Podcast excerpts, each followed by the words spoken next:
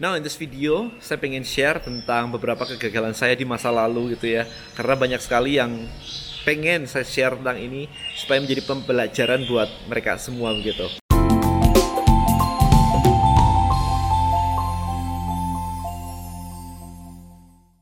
So, basically, seperti yang saya sudah ceritain di vlog saya sebelumnya, saya membangun sebuah bisnis baru kali ini, software company lagi. Jadi ini sudah keempat kali saya bikin software company, dan yang tiga pertama gagal total. So, I lost sekitar 4 miliar rupiah. 4 miliar rupiah, gede banget. Yang pertama, saya membuat yang namanya Six Reps di tahun 2010. Six Reps. Sebelumnya sih pernah sih bikin, tapi terlalu terlalu small untuk saya sebutkan di sini. Saya pernah menyebutkan, uh, saya pernah membuat sebuah sosial media juga, sosial network juga yang namanya live waktu itu live gitu. Cuman terlalu, saya nggak ngerti apa-apa, cuman bikin, cuman pakai script doang kayak begitu dan nggak jadi ke mana-mana. Oke, okay, so the full tim yang pernah saya buat di tahun 2010 itu membangun yang namanya six reps.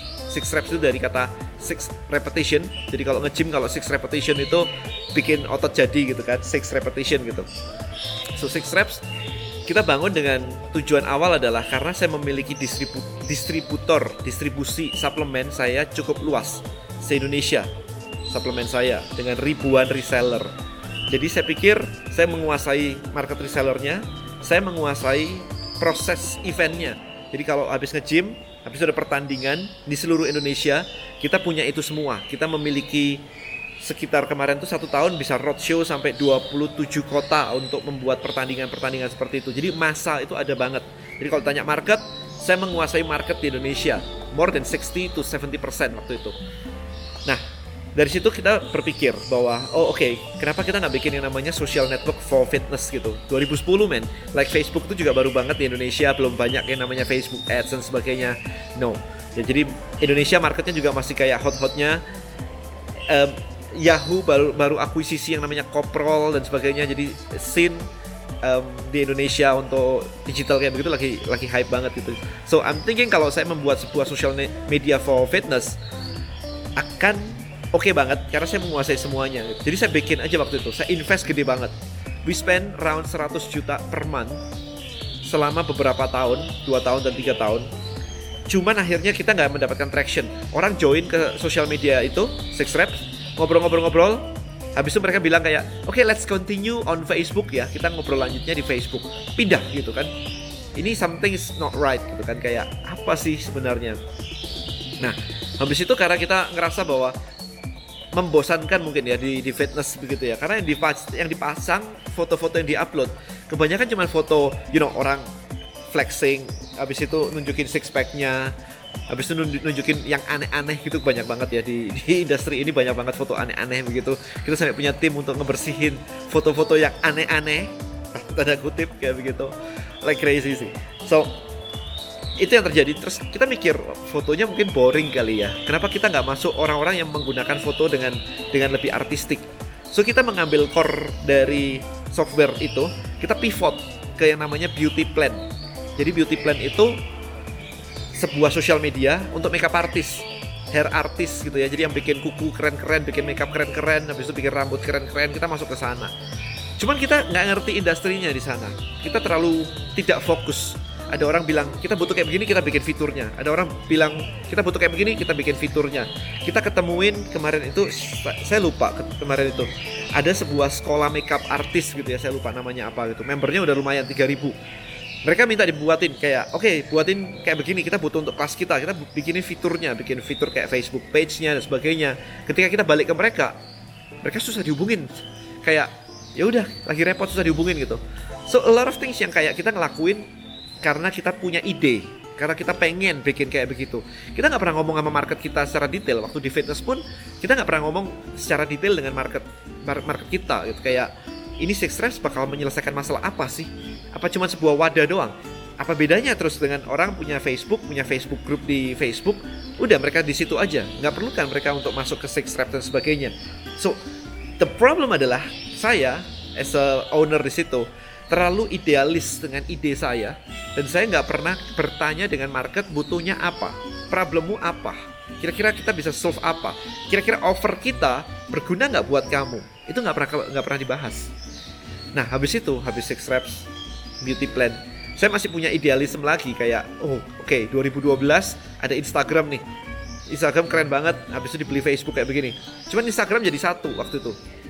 Instagram cuman posting foto doang. Bahkan waktu itu belum bisa yang namanya ngefollow hashtag. Kalau sekarang udah bisa yang namanya ngefollow hashtag. Waktu itu Instagram belum bisa. So I was thinking like gimana kalau misalkan kita bikin model Instagram yang tujuannya adalah untuk reporting live jadi di jadi timeline ini jadi kayak live gitu. Kan keren banget nih kalau misalkan anda berada di suatu event kemudian semua pakai posting foto dengan hashtag tertentu.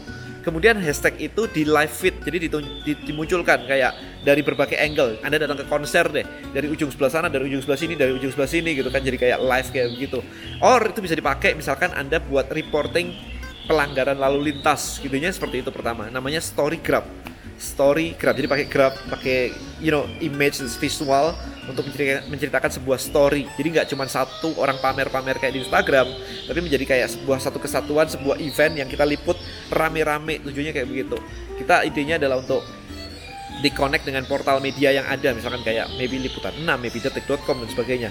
Cuma jadi ada problem lagi. Gimana kalau tahu-tahu ada yang upload dan uploadnya aneh-aneh gitu. Misalkan pornografi gitu kan. Terus tau-tau di feed masuk ke detik atau de ke liputan 6 kan mereka yang bakal kayak kok tau-tau detik ada ada kayak begitu gitu. Sensorshipnya gimana?